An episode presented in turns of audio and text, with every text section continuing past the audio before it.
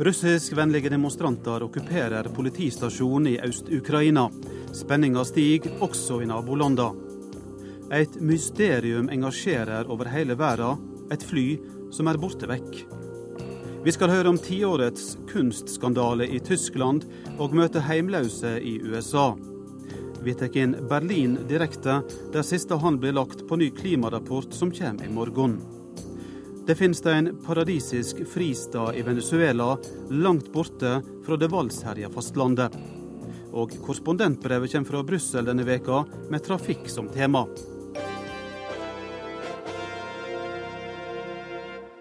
Velkommen til Verden på lørdag. Her i studio er Eivind Molde. Den storpolitiske ordkrigen i konflikten mellom Ukraina og Russland er blitt betydelig skjerpa denne veka. Den amerikanske utenriksministeren John Kerry gikk ut og skylda Russland for å stå bak separatismen i sørøst-Ukraina, og sa tirsdag at president Vladimir Putin kanskje forbereder seg på en invasjon av landet. Som vi hørte nettopp i Dagsnytt, har væpna menn i kamuflasjeuniform i dag tatt kontroll over en politistasjon i byen Slavjansk i den østlige delen av landet. Russiskvennlige demonstranter har de siste dagene tatt kontroll over en rekke statlige bygninger og ukrainsk politi, som er lojalt til styresmaktene i Kiev, har aksjonert mot husokkupantene. I parlamentet i Kiev var det tilløp til slåsskamp, mens vanlige folk i Ukraina holdt pusten.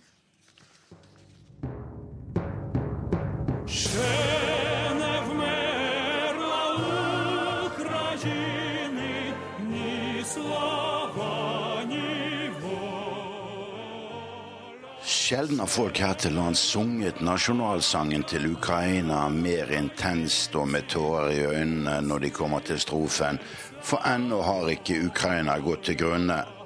Men det røner på, for det er lenge siden Russlands statsminister Dmitrij Medvedev holdt denne tonen 22.9. i fjor. У нас нет никаких предубеждений против Европейского Союза. Это наш крупнейший торговый партнер. Крупнейший торговый партнер.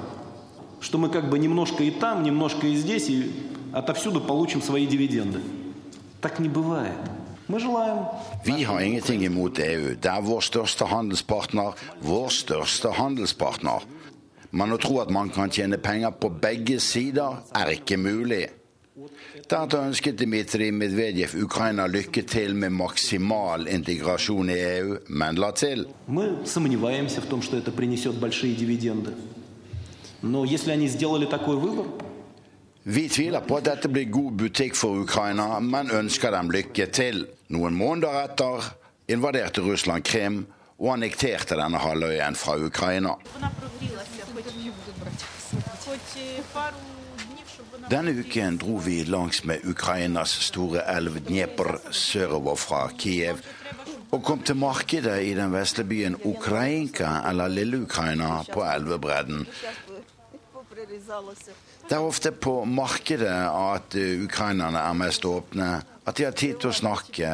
Og de to tårkonene Ludmila Baranova og Olga Safirina var veldig klare på hva som vil skje i det ukrainske folkedypet dersom russerne skulle finne på å invadere det sørøstre Ukraina, hvor de fleste russerne bor her til lands også. не, не допустили бы, Украина бы не допустила. Здесь бы все воевали бы, конечно, ну, встали бы все за свое, да. Det ville vi ikke tillatt. Ukraina hadde ikke tillatt det.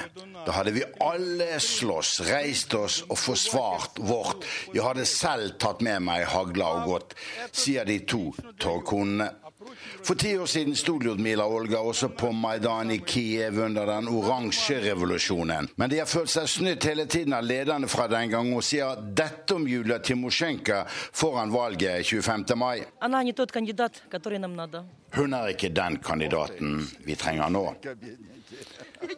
Derimot vil våre venninner på torget her i Ukraina stemme på mangemilliardæren Pjotr Porosjenko, som betalte hele det siste gildet på Maidan i Kiev, et gilde som politisk varte i fem måneder før et forhatt regime falt 22.2 i år. Тоже, я тоже за Порошенко. Не, вообще, Кличко, Кличко э, Путина, да. но он отдал свой голос. Он- нет, Кличко он не потянет. А Морды бить он умеет. А так он не Jeg vil også stemme for Porosjenko, men ikke for Vitalij Klitsjko.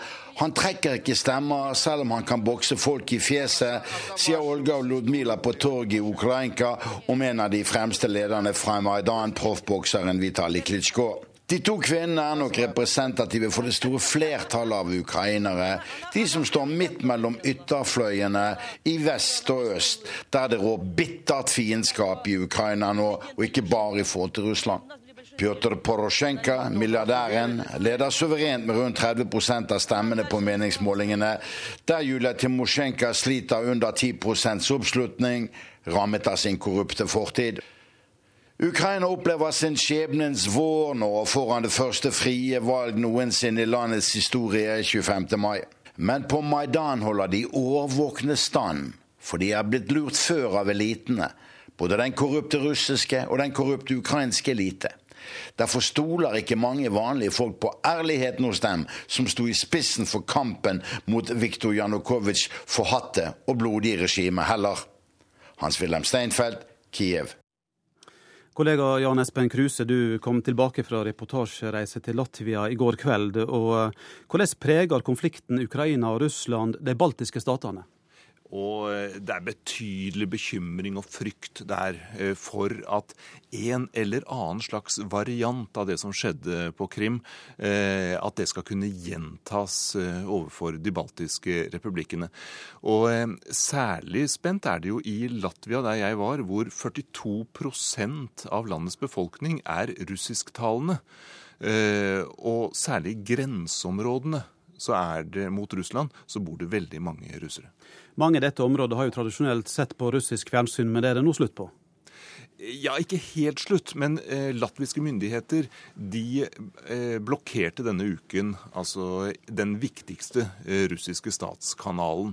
Og den kanalen eh, som de da hevder eh, sender aller, aller mest propaganda. Og det er jo virkelig propaganda russisk fjernsyn sender ut nå. Det er helt utrolig.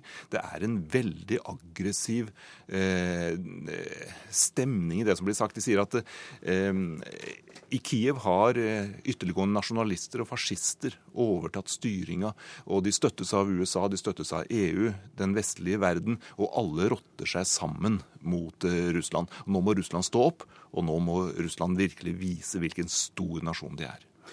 Vil disse landene, de baltiske landene ønske velkommen et sterkere nærvær fra Nato?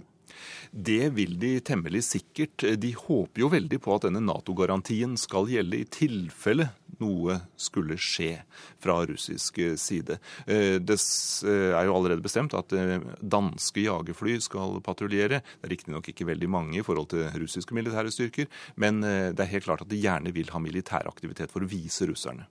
Ut fra de inntrykkene du fikk nå under oppholdet i Latvia, på hva måte konkret kan situasjonen tilspisse seg i tida som kommer?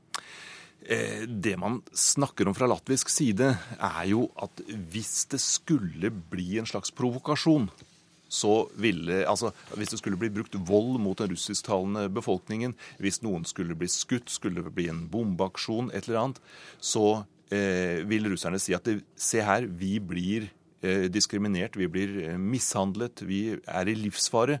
Russland må komme og hjelpe oss. Det er det det dreier seg om. Og da vil man jo i verste fall kunne se at, at i hvert fall de russiskspråklige sier at Russland neppe vil stå på sidelinjen hvis noe slikt skulle skje.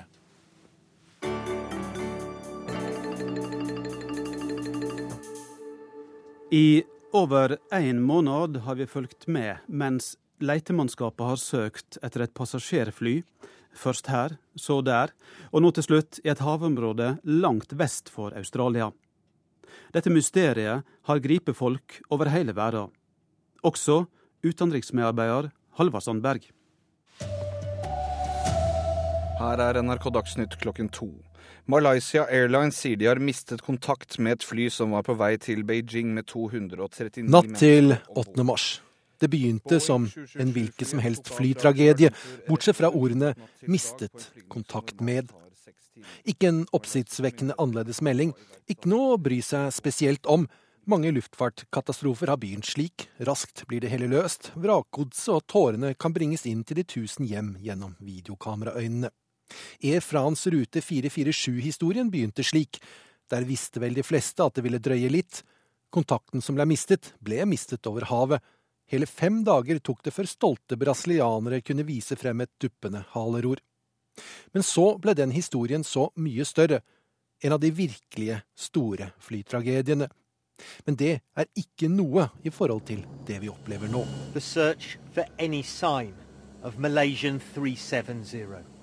Det var ikke noen grunn til at Malaysian Airlines MH370 skulle ende skikkelig dårlig for de involverte. Ikke en forklarende storm som for Air France, ikke etterforskerstøtte fra meldinger om fastfryste sensorer. Alt var i skjønneste orden. God natt, Malaysian Airlines 370 og så helt dørgende stille. El misterio más grave y oscuro en la historia de la aviación. Ya hay medios de comunicación que lo llaman Hele verden fulgte med da den store leteinnsatsen ble satt inn i et område det viste seg at myndighetene måtte vite var feil tidlig i prosessen. For radarspor og satellittspor ble etter hvert kjent for offentligheten. Spor som sannsynligvis var pinlig for diverse flygeneraler, og oppildne for en hel verden av konspirasjonsteoretikere. Hey, good morning. Let's get right to the breaking news and a fresh and intriguing clue in the search for Malaysia Flight 370. Here's the moment. Piloten ville begå selvmord. Piloten var terrorist som ville styrte flyet. Piloten var betalt for å lande fly i Kasakhstan eller Diego Garcia eller Stan X eller Stan Y. Noen andre tvang piloten, noen andre tok over kontrollen. Mannskapet ble forgiftet, eller har du ikke sett serien Lost?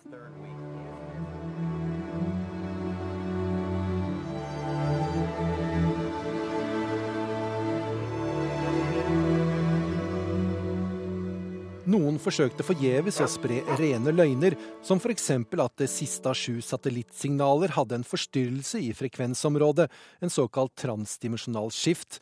Eneste mulige forklaring at den siste meldingen ikke kunne ha blitt sendt fra vårt univers.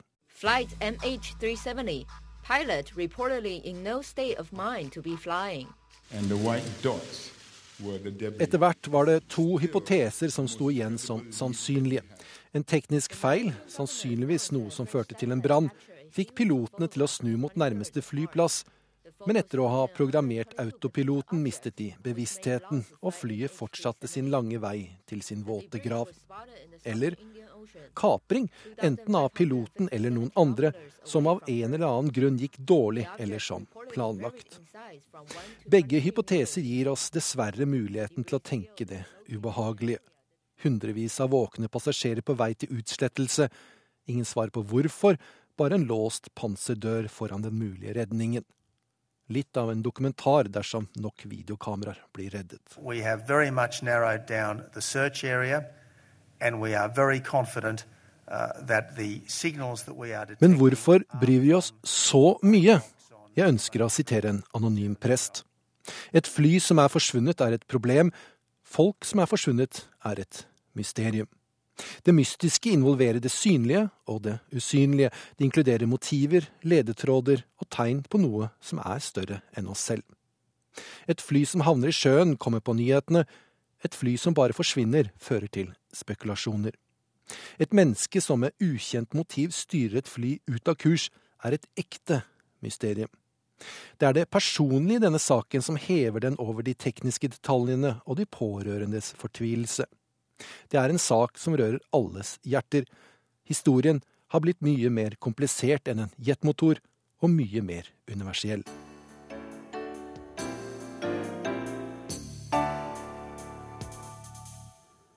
I USA blir flere hundre tusen barn meldt savna hvert år, men de fleste blir funnet. Åtte år gamle Relisha Rudd er så langt ikke blant dem. Hun ble borte fra et hospits for heimløse i hovedstaden Washington 26.2, men det tok tre veker før noen meldte henne savna. Vår USA-korrespondent Gro Holm har truffet andre heimløse som kjente henne. Det er vår i lufta, og barna leker i betongørkenen utenfor det som for flere tiår siden var sentralsykehuset her i DC. Nå er det losji for rundt 600 hjemløse. Relishas mor er narkoman med ansvar for fire barn. Hun overlot gladelig Relisha til en av de mannlige ansatte, 51-årige Khalil Tatum. Jeg slipper ikke inn gjennom metalldetektoren for å ta en titt på rommet der hun bodde. Men 26.2 gikk Tatum og Relisha ut samme vei uten at noen reagerte. En åtte år gammel vakker afroamerikansk jente med små kuler i rastaflettene, kledd i lilla Helly Hansen-jakke og rosa støvler, og en middelaldrende mann som hadde som jobb å hjelpe de hjemløse. She was an outgoing little girl. She was she liked to have fun. She was very happy all the time. Hun likte å gå ut, hun var i veldig godt humør, forteller Anita, som hadde et nært forhold til Relisha. Kind of like you know. Jeg var en slags gudmor for henne. Hun pleide å leke med min sønn. Vi gikk på butikken sammen, og jeg ga henne snacks. I pray every night that she's still alive and that she's okay wherever she is. Jeg ber hver natt om at hun er i live, sier Anita.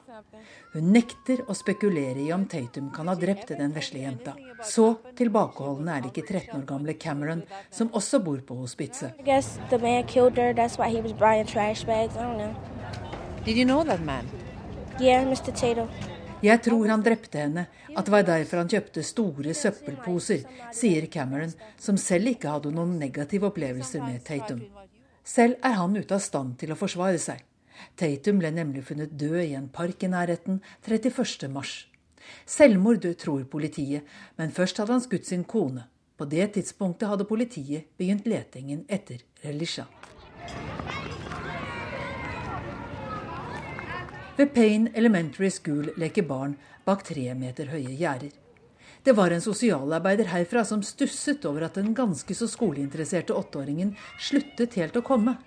Sosialarbeideren tok kontakt med hospitset, og fant da også ut at Tatum ikke var Relishas lege, som det sto i papirene, men en ufaglært medarbeider der Relisha bodde.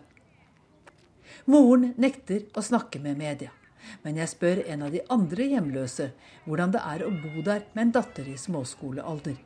Ikke bra, svarer Tiara. Fordi vi vet ikke hvem som jobber her. Vi stoler ikke på noen. Datteren av Kaja på ni er kledd i sjokkrosa, lager kyssemunn og presser hoftene fram når jeg tar bilder. Jeg våger ikke spørre hvor hun har lært det. Jeg tror ikke det er fra moren. Jeg spør jentungen hvordan hun trives på hospitset. I don't like it. How long have you been here? For two, for two years. Jeg liker det ikke. Har bodd her i to år, sier hun, og blir korrigert av moren, som sier 18 måneder. Hun mistet jobben og klarte ikke husleien. Derfor. Et par kilometer lenger øst i Anacostia står en gjeng afroamerikanske halvvoksne mannfolk med rastafletter. Mange av dem er rusa, og det er vanskelig å få i gang en samtale. Midt i rushet var jeg den eneste hvite som gikk av på T-banestasjonen her. På den andre siden av gata leker et titalls barn med ball. Et par mødre følger med som ravner på leken. Alle har hørt om Relisha. Jeg holder henne nær meg hele tiden, sier Sari og peker på en livlig jente på fire-fem år som farer rundt på plenen mellom murblokkene med en ball. Jeg holder handa hennes i butikken og passer på at hun ikke snakker med fremmede. Er det farlig her? spør jeg. Yeah, it's very dangerous, especially for young little girls her age. Ja, veldig farlig, særlig for unge jenter. Mange menn følger med på alt de driver med, sier Sari. Det er vår i lufta, og ungene fryder seg. Men Relisha kommer neppe til å leke mer. Politiet har utlovet 25 000 dollar eller 150 000 kroner i belønning til dem som kan bidra til at hun blir funnet. Politiet antar at hun er død, men Kisha på hospitset sier de fleste der nekter å tro det. Most people don't believe that she's dead. Most people don't believe she's dead. Yeah, most people don't believe she's dead. They just believe that they can't find her right now.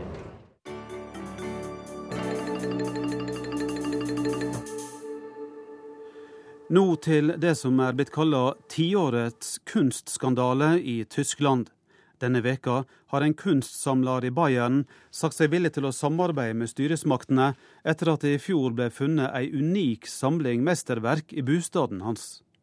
Mange av billettene ble trolig rana fra jøder som ble sendt i nazistene sine gasskammer. Arnt Stefansen i Berlin forteller historia. Der Nazischatz von München. Det var det tyske nyhetsmagasinet Fokus som i november i fjor avslørte det de kalte naziskatten fra München.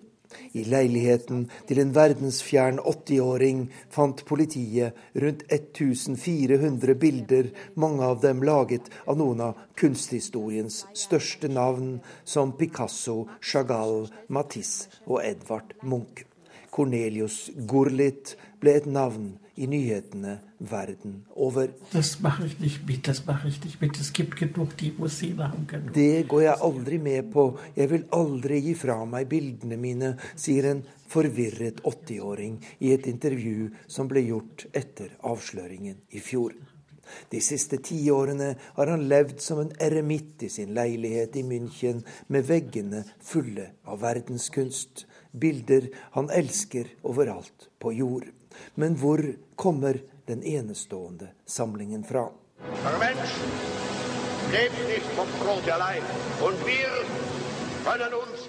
Mennesket lever ikke av brød alene, erklærer føreren Adolf Hitler i en tale i 1933. Det tyske folk kan ikke gjenvinne sin storhet uten en tysk kunst og kultur, sier han. Og nazistene bannlyser all moderne kunst og kaller den entartet, degenerert. Museer og samlinger over hele Europa blir ranet for sine kunstskatter. Tusener av verker tilhører jøder som blir sendt i nazistenes gasskamre.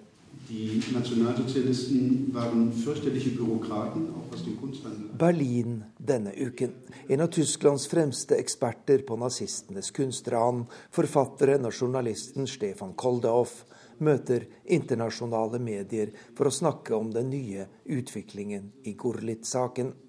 Han får flere spørsmål om Cornelius Gorlitz' far, Hildebrandt, mannen som bygget opp den enorme kunstsamlingen som i fjor ble funnet i München. Hildebrand Gurlitt, der Vater, ist eigentlich eine tragische Figur. Er war vor 33. Faren Hildebrand Gurlitt er egentlig en tragisk figur.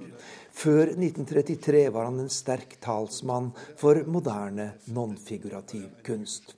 Han handlet med ekspresjonistiske bilder og laget fremragende utstillinger. Men etter at nazistene tok makten, ble han forfulgt og tvunget til å innstille sin virksomhet. I denne situasjonen valgte han å samarbeide med Hitler-regimet, sier eksperten. Und vor allem die deutsche Kunst.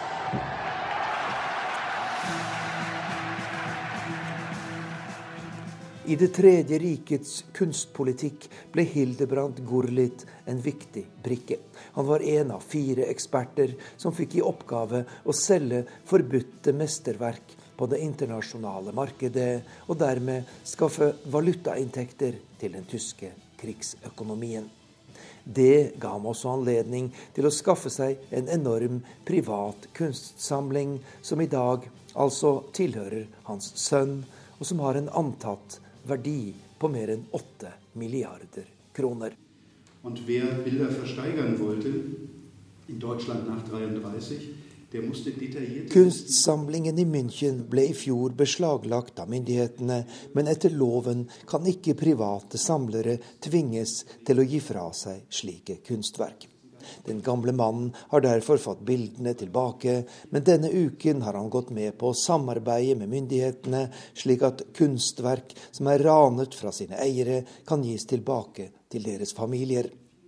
Kunsteksperten Stefan Koldehoff slår fast at Gurlitt-saken har skapt en helt ny oppmerksomhet om dette temaet. Hier in Deutschland ist dadurch endgültig klar geworden, dass es nach wie vor ein Thema Raubkunst Nazistenes ran av kunst er definitivt tilbake på dagsordenen etter at man de siste par årene har ment at dette ikke er så mye mer å diskutere.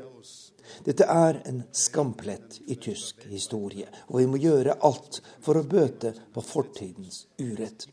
Det er grunn til å tro at mer enn 500 av bildene i München-samlingen er kunst som er ranet fra sine eiere, mange av dem trolig holocaust-ofre, og mange arvinger har allerede meldt seg. Men det er et vanskelig arbeid, som vil ta flere år, sier kunsteksperten Stefan Koldehoff her i Berlin.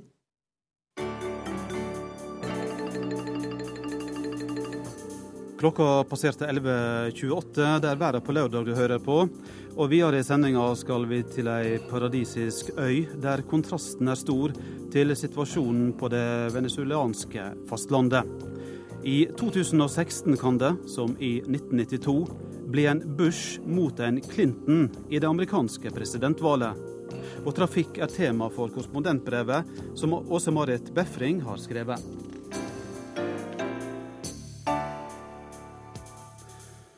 Hva må gjøres for å få ned utslipp av klimagasser? Det er eh, hovedtema for del tre av FN, FNs klimapanel sin femte rapport, som kommer i morgen. Første del kom i fjor høst. Den handla om hva vitenskapen sier. I slutten av mars kom andre del, om konsekvenser av klimaendringene. Og nå altså om tiltak. Forskningsleder Jan Fuglestvedt ved Cicero senter for klimaforskning. Du er i Berlin, der forskere fra mange land er samla nå for å legge siste hånd på den rapporten som altså kommer i, i morgen. Hva skjer nå eh, dagen før? Jo, nå har vi for noen få timer siden akkurat avsluttet um, arbeidet med å gå gjennom sammendraget fra den store rapporten. Så i dag tidlig ble det ferdig, den teksten. Da hadde man altså gått gjennom setning for setning og avsnitt for avsnitt. Det er ganske detaljert og nøye arbeid, dette? Ja, det er en kjempestor rapport, og den har et uh, sammendrag på toppen sånn, som er skrevet for beslutningstakere. Og Det blir da grundig gjennomgått for å se at det er forståelig og relevant for beslutningstakernes arbeidssituasjon, sånn at de kan ta det med hjem og bruke det i sitt arbeid. Er det utkastet som eh, var klart før denne veka begynte, er det blitt endra en del i løpet av disse dagene i Berlin? Det kan jeg ikke si så mye om, men det går jo på fremstilling av det vitenskapelige underliggende arbeidet i den store rapporten. Så um, den underliggende rapporten ligger fast, og også det som heter technical summary. Og det er bare det lille sammendraget på toppen som vi har eh, jobbet med her nede i Berlin. Er forskerne eh, samstemte i konklusjonene sine? Altså Her er det et eh, veldig bredt grunnlag fra mange års forskning. Det er jo over 10 000 artikler som er gjennomgått. Og dette er, er en sammenfatning og vurdering av den kunnskapen vi har i dag om hva vi kan gjøre for å begrense oppvarmingen på forskjellige nivåer av oppvarming, altså to eller tre grader eh, osv. Men Da skjønner jeg at alt i alle fall blir klart til pressekonferansen klokka 11 i morgen? Ja, så da, da blir rapporten offentliggjort. Takk for at du var med i sendinga, Jan Fuglestvedt ved Cicero senter for klimaforskning. Og eh, som jeg sa i stad, første del av rapporten ble altså lagt fram i Stockholm i fjor høst. Da sa lederen for klimapanelet, Rajendra Pachauri, at det haster å følge opp med politisk handling, og at det ikke er for seint. No, I don't think it's too late, but I certainly believe that if we want to stabilize the Earth's climate, then we have to take action rather quickly. Klar utfordring der, altså, fra Pachauri. FNs generalsekretær Ban Ki-moon har som ambisjon at stats- og regjeringssjefer fra hele verden skal stake ut en ny retning for klimaarbeidet, når han kaller det inn til toppmøte i september. NRK har møtt mannen som prøver å få statslederne til å gjøre mer enn å snakke. It's never easy to move or shift presidents and prime ministers det er aldri lett å få en statsleder til å endre synspunkt, sier mannen som var Ghanas president i åtte år fram til 2009. Nå er John Kufour FNs spesialutsending for klima, med hovedoppgave å mobilisere verdensledere før toppmøtet i september. It seems the world is coming to accept that the change is real. Han opplever likevel at verdenslederne stort sett er enige om at det er klimaendringer på gang, og at været er mer uforutsigbart enn på lenge. Problemet er bare å få de innflytelsesrike til å handle, bruke mer enn ord. NRK møter John Kofour på sidelinja av Verdensbanken og Det internasjonale pengefondets vårmøte her i Washington.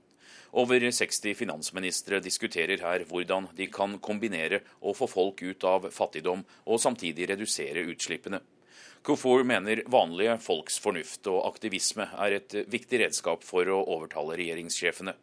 Enten til å finne penger eller mekanismer for miljøvennlig utvikling, eller få på plass et internasjonalt regelverk.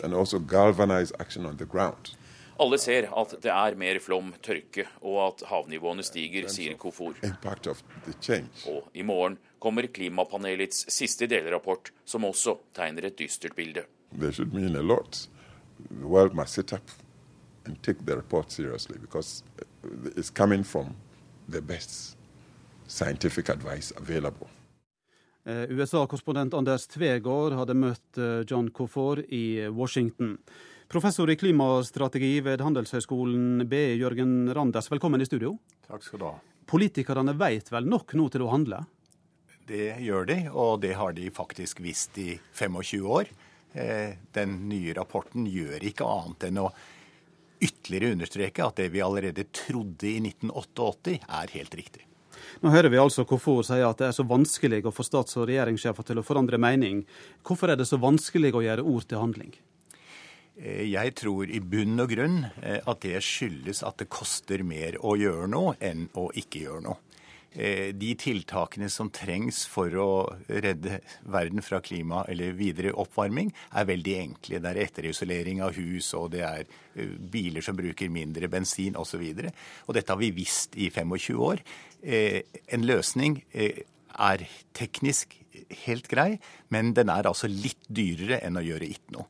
Og jeg tror det er grunnen til at ingenting skjer. Folk flest er faktisk ikke villig til å ofre penger i dag for å få en bedre fremtid for barna sine.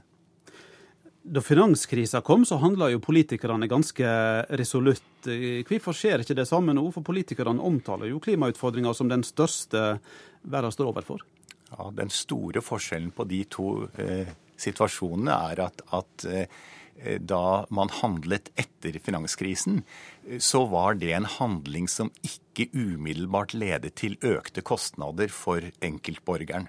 Eh, og dessuten så spurte man jo ikke man gjorde det så fort at, at eh, folk flest ikke oppfattet at regningen til slutt kom til å ende hos, hos dem.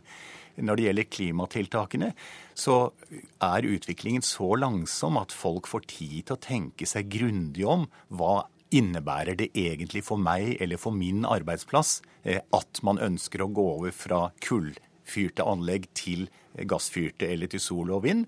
Og de oppfatter det dit hen at dette er negativt i deres liv i det korte løp, og følger gjerne imot. Dette er ingen populær sak for politikerne? Det er helt riktig, slik at jeg syns det er feilaktig når, når de to intervjuede peker på politikerne og sier at problemet er at vi ikke har gode nok politikere.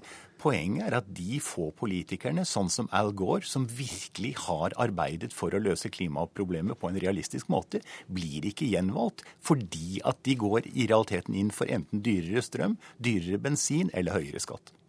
Men hvis vi ser på dette internasjonalt nå, så er det vel enkelte land som har vært flinkere å følge opp disse rapportene fra klimapanelet og få til ting enn andre? Det er riktig, men eh, slik jeg ser det, så er det stort sett situasjoner hvor du har hatt en sterk regjering som er villig til å sette ut i livet tiltak som faktisk koster mer enn å ikke gjøre noen ting. Og Det beste eksempelet er jo Tyskland, som har subsidiert inn svære mengder med sol og vind, på tross av at dette er en regning da til det tyske folk på 170 euro per husholdning per år. Eh, nå skal det altså holdes et toppmøte som Ban Ki-moon har kalla inn til, eh, til, høsten. Og så er det en ny runde med klimaforhandlinger i, i, Peru. Og så er det da dette møtet i 2015 der målet er en ny avtale. Hva tror du kan falle på plass av brikker i denne prosessen fram mot møtet i Paris i 2015? Jeg håper at mange brikker faller på plass, men jeg tror ikke det kommer til å falle på plass noen særlige brikker. Hva er ditt eh, råd? Nei, Mitt råd er punkt én at man må gjøre det tydeligere for folk at det koster å løse klimaproblemet. Altså i Norge, helt konkret, så da Lavutslippsutvalget la frem sin rapport i 2006 om hvordan Norge kan løse problemene, så var regningen 2000 kroner per nordmann per år. Altså en heving av inntektsskatten fra 37% til 38 Og jeg tror man må starte med å prøve å fortelle folk at det er nødvendig med et offer i det korte løp. Og så må man sukre pillen ved å prøve å satse på tiltak som har en kortsiktig fordel sett fra folk flest sin synsvinkel. Takk for at du kom i studio.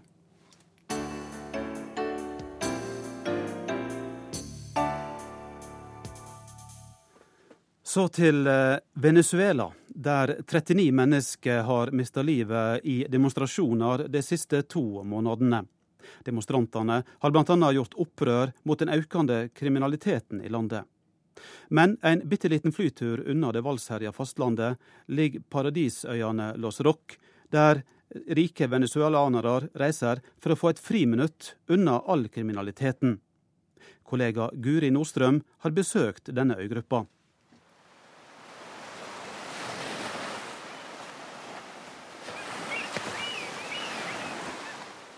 Velkommen til Los Roques. Her kan dere gå med armbåndsuret på, ha kontanter i lommene, være ute etter at det er mørkt og la være å låse døra. Her kan dere rett og slett slappe av.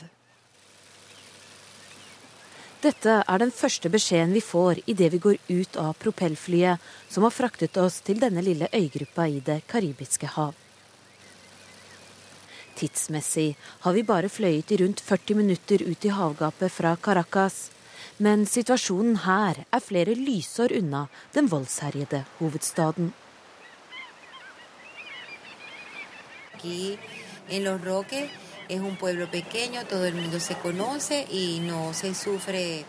Los Roques er som en liten landsby. Alle kjenner hverandre, forteller Susanna Margarita Padron til NRK. Hun har jobbet som guide her de siste 14 årene, og hilser oss velkommen til øygruppa med snaue 1300 innbyggere. På den lille hovedøya som det tar ti minutter å gå tvers over, finnes det ingen biler. Kun fiskebåter som ligger tett i tett langs havnen og konkurrerer om plassen med de mange pelikanene. Små kalkhus er malt i alle regnbuens farger, og de fleste som er her, går barføtt. Claro, aquí está muy tranquilo, pueden pasar por la playa sin ningún tipo de amenaza. Her kan dere gå bekymringsløs rundt på stranda, smiler guiden. Det er en helt annen melding enn det vi har fått på fastlandet, der vi har fått beskjed om å ta alle forholdsregler for å ikke bli brutalt ranet og i verste fall drept. For Venezuela er nemlig det landet der det drepes nest flest mennesker i verden, med 53,7 drap per 100 000 innbyggere. I den siste rapporten fra FNs organisasjon mot narkotika og kriminalitet blir de kun slått av Honduras. Det er ingen rangering å være stolt over. Det er heller noe å flykte fra, slik kaféeieren Giosetta Manzini forsøker å gjøre minst to ganger i året. Aquí yo llego sin zapato, camino por el pueblo y, y, y me ilusiono de vivir en un país seguro, pues. Her kan jeg gå barføtt og late som jeg bor i et fredelig land, sier hun.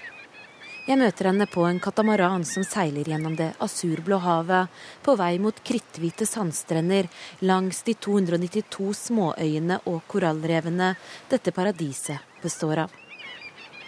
Jeg sier alltid eh, Venezuela se salva por la naturaleza, porque es muy grata, la naturaleza es muy bella, y por más que el hombre trate de destruir todo Jeg sier alltid at Venezuela redder seg med naturen, for naturen her er fantastisk vakker. Jo mer folket her klarer å ødelegge samfunnet gjennom politikken, jo viktigere er det at naturen vår i det minste er vakker, sier hun. Men langt fra alle venezuelanere kan ta seg dette friminuttet i øygapet. For de fleste innbyggerne er det rådyrt å reise hit, forteller guiden.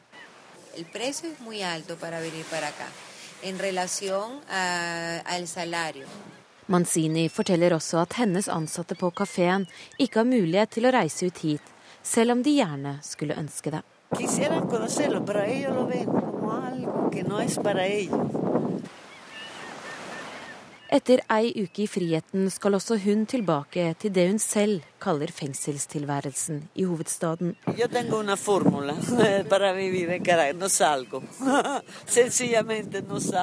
Jeg har én metode for å overleve i Caracas. Det er at jeg aldri går ut. Jeg reiser kun hjemmefra og til jobben. Jeg går aldri ut ellers. Det er den eneste måten å være sikker på, sier hun.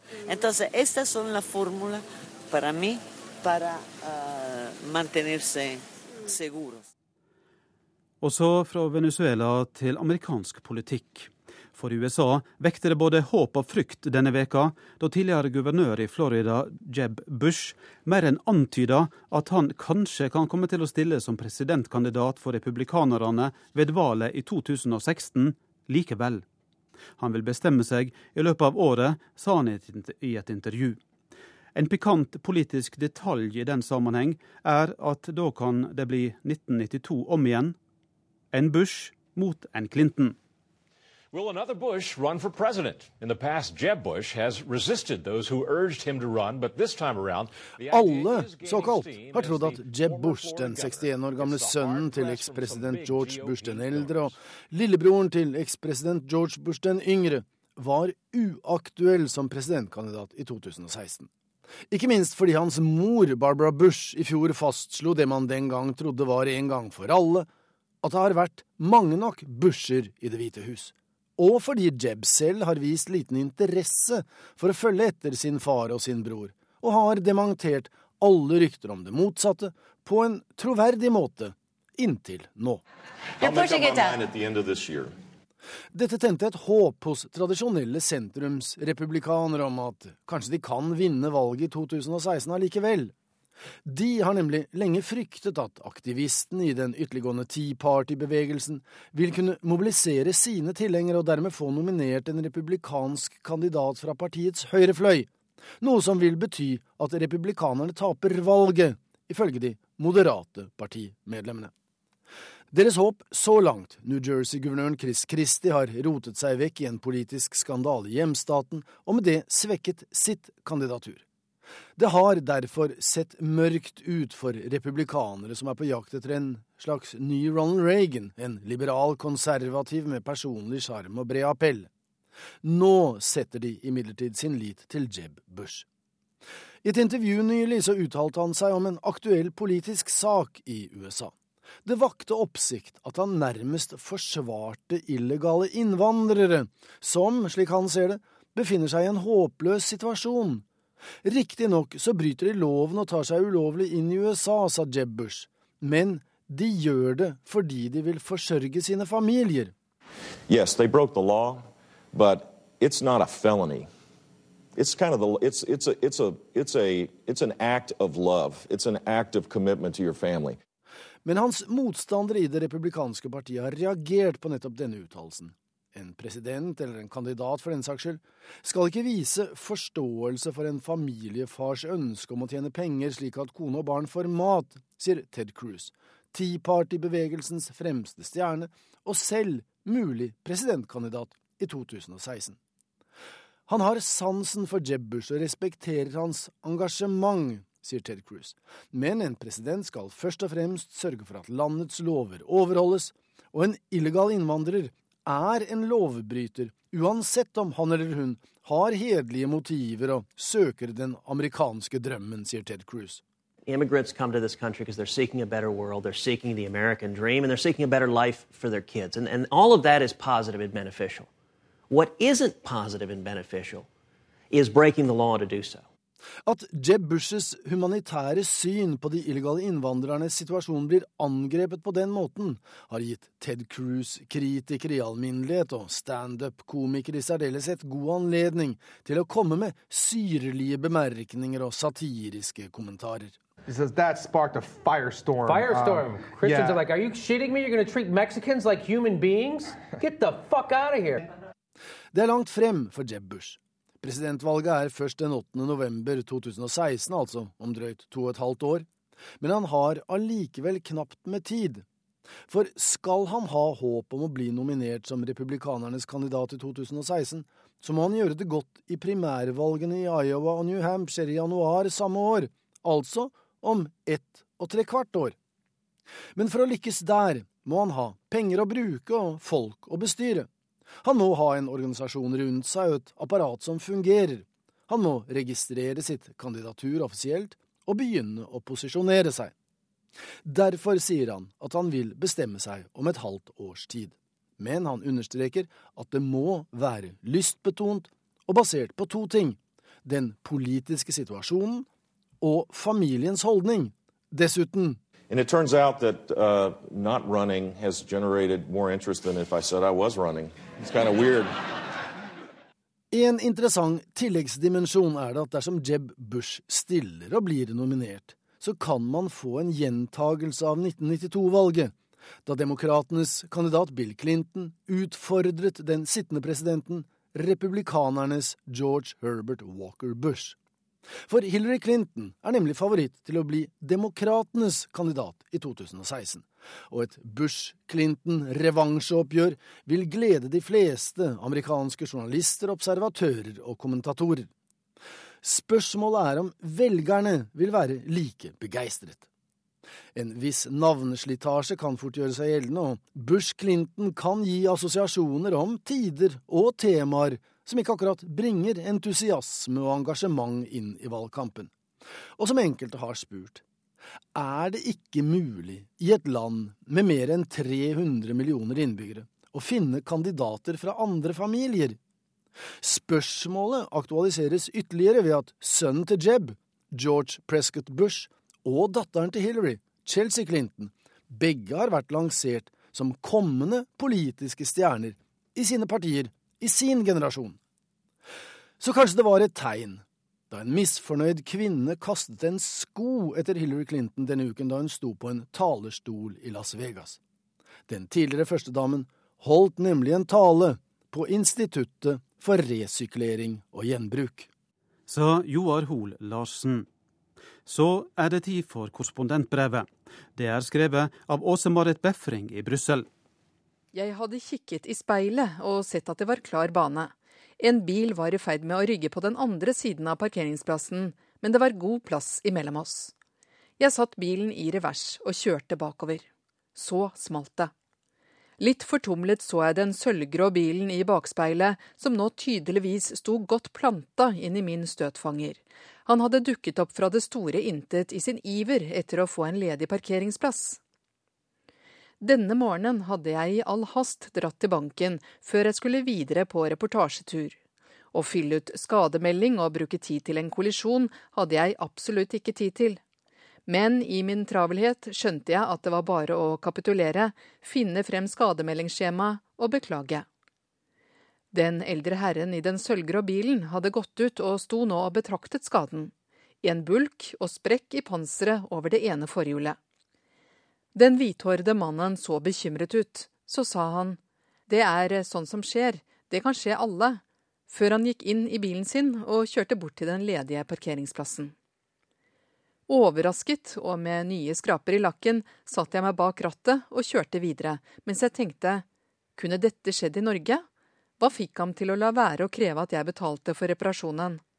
Senere skulle jeg lese noe som jeg tror kan være forklaringen. En sensommerdag i fjor satt jeg i bakhagen til transportministeren i Brussel. Brigit Grovels serverte svart kaffe og belgisk sjokolade på en liten balkong, mens vi skuet utover hennes private oase med andedam, trær og blomster i all sin prakt, midt i Brussel sentrum. Det heter seg at belgiere er født med en murstein i magen fordi de vil eie sitt eget hus, men jeg tror de har en bil der også, sa hun. Det er utenkelig for dem å la den stå, la hun til. Hun drev en kamp for kollektivtrafikken i storbyen, og utfordringene sto i kø. To av tre kjører til jobb her i Brussel. Ingen bruker mer tid bak rattet sammenlignet med andre europeiske byer, og mye av det skyldes endeløse køer. De som skal på jobb i Brussel, bruker tre ganger så lang tid i bilkø som folk i Barcelona eller Wien, og nesten dobbelt så lang tid som folk i Hamburg og Milano, altså byer på omtrent samme størrelse. Selv da smoggen hang over byen for noen uker siden, sto bilene i kø uten mulighet til å bryte den ene restriksjonen som var innført for å få ned forurensningen. Fartsgrensen var satt ned fra 120 km i timen til 90. Det er selvfølgelig ikke bare til jobb folk sitter bak rattet. Hver morgen og ettermiddag er det saktegående kø for å komme inn og ut av skoleområdene. Og hver onsdag når skolene stenger rundt klokka tolv, det er lovpålagt å ha korte dager i skolen på onsdager, så står bilene på kryss og tvers bl.a. i gata der vi bor, fordi det er helt uframkommelig nærmere skolen. Det er utrolig hvor mange biler det går på én skole, for å si det slik. I fjor forsøkte visst noen skoler i området å få flere til å sykle i stedet. De arrangerte en sykle til skolen-dag. Det var visstnok ikke så vellykket. I stedet for å la barna sykle hjemmefra, kjørte de belgiske foreldrene dem til en rundkjøring ved skolene, stanset bilen, løftet sykkelen ut av bagasjerommet og sendte poden av gårde. I rettferdighetens navn skal det sies at vi bor i fransktalende Valonia. I Flandern ligner flere av byene mer på Nederland, der det er vanlig å ta sykkelen fatt. Men for belgiere flest så er bilen en forlengelse av kroppen, skal vi tro transportministeren, og det har den vært lenge. Belgias økonomi har vært tuftet på bilindustri. Bilmerker som Ford og Audi har fabrikker her. Også Volvo valgte Belgia da den svenske bilprodusenten skulle åpne sin første fabrikk i utlandet på 1960-tallet. Belgia lå i hjertet av Europa og EEC, altså dagens EU, og hadde allerede da rullet ut et motorveinett vi i Norge fortsatt bare kan drømme om. Gode ordninger ble innført for at flere skulle ha råd til å kjøpe bil, for arbeidsgivere var det lønnsomt å la arbeidstakere få firmabil. Ingen steder i Europa kjører det flere firmabiler på veiene, én million hver dag, bare i Brussel. For en nordmann er det å kjøpe bil i Belgia et eventyr. Den koster nesten halvparten sammenlignet med i Norge. Her er ingen bomavgifter, parkeringsplassene er mange og billige, og skulle du få en parkeringsbot, så smerter ikke det heller. Selv ikke fartsboten har den samme avskrekkende effekten som den har i Norge.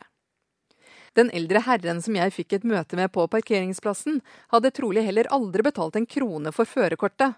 Til langt ut på 1970-tallet fikk belgiere lappen i posten på 18-årsdagen. Vær så god, nå er det bare å begynne å kjøre. Prøv deg frem, så går det sikkert bra til slutt. Det har nok påvirket den spesielle kjørekulturen, eller kjøreukulturen. I grunnen er det ganske pussig. Der belgiere har god tid i butikken, de ansatte venter til kundene har lagt varene i posen før de betjener neste, ofte tar det seg tid til å slå av en prat, og det går i det hele tatt i et bedagelig tempo. Så skjer det noe når de setter seg bak rattet. Det er som villdyret våkner. De kjører brått og fort, tuter med en gang lyset blir grønt, krysser tre kjørebaner i slengen på motorveiene og får folk til å hoppe inn på fortauet fra fotgjengerfeltene.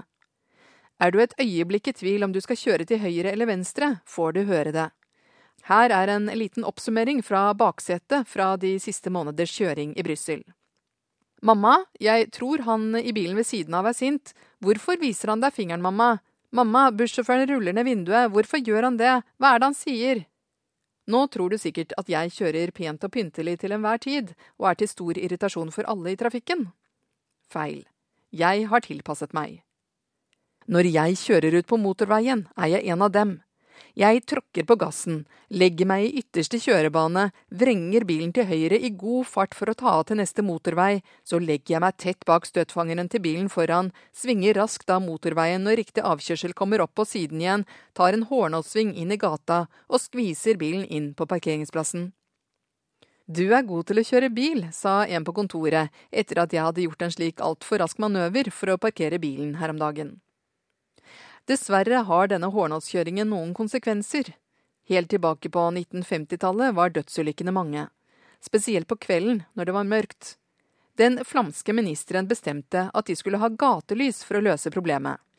Nå lyser Belgia opp hver kveld og er synlig helt til månen når alle de nærmere 350 000 gatelysene er tent. Det er et fantastisk skue ved innflyving i nattemørket. Men belysning løste ikke alle problemene med trafikkulykker, og Belgia fikk etter hvert et rykte. En NRK-kollega bodde noen år av barndommen i Paris på 1970-tallet. Han forteller at det var en årlig diskusjon om de skulle kjøre gjennom eller rundt Belgia på vei til Norge på sommerferie. Hver gang de kjørte korteste vei, trakk moren et lettelsens sukk da de passerte grensen til Nederland. Fortsatt er ulykkene i Belgia mange og stygge, selv om de fleste heldigvis ikke har dødelig utgang. Ifølge EU-kommisjonen var det dobbelt så mange dødsulykker i Belgia i fjor i forhold til folketallet, sammenlignet med nabolandene Nederland og Storbritannia. Det er merkbart i trafikken. Flere ganger hver dag rapporterer radioen om store ulykker på motorveinettet, og hver gang blir trafikken stående bom fast. Køene i Belgia er helt uberegnelige. I forrige uke for eksempel kom fotografen min to timer for sent pga. kø. Og hver gang en norsk statsråd skal til Brussel, og jeg spør når han eller hun ankommer, er standardsvaret det kommer an på trafikken. Det er som om det er påsketrafikk hele året. Bedre blir det ikke av alle toppmøtene. I forrige måned var det toppmøter hver uke. Tenk deg om Oslo skulle stenge flere kvartaler rundt Rådhuset, Oslotunnelen og Vålerengatunnelen, og i tillegg stanse trafikken for de 28 kortesjene som ankommer hver for seg til møtet. Det er det de gjør her i Brussel. Og er du så uheldig å ha forvillet deg inn i nettverket av stengte gater, risikerer du å bli stående noen timer. Belgia er et billand med en biltetthet høyere enn de fleste andre steder i Europa, men glansdagene kan være over. I år legger Ford-fabrikken ned. Det var den største arbeidsplassen i Flandern. Motorveiene er heller ikke hva de en gang var.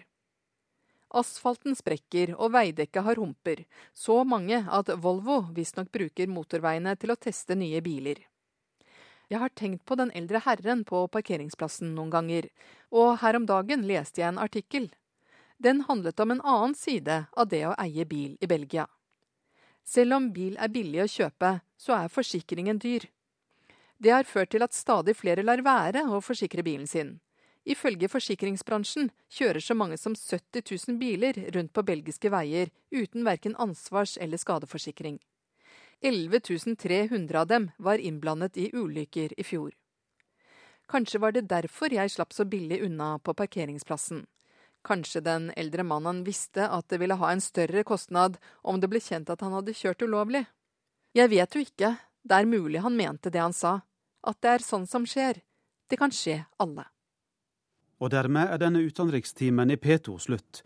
Teknisk ansvarlig Karl Johan Rimstad, skript Bente Alice Westgård, og her i studio satt Eivind Molde.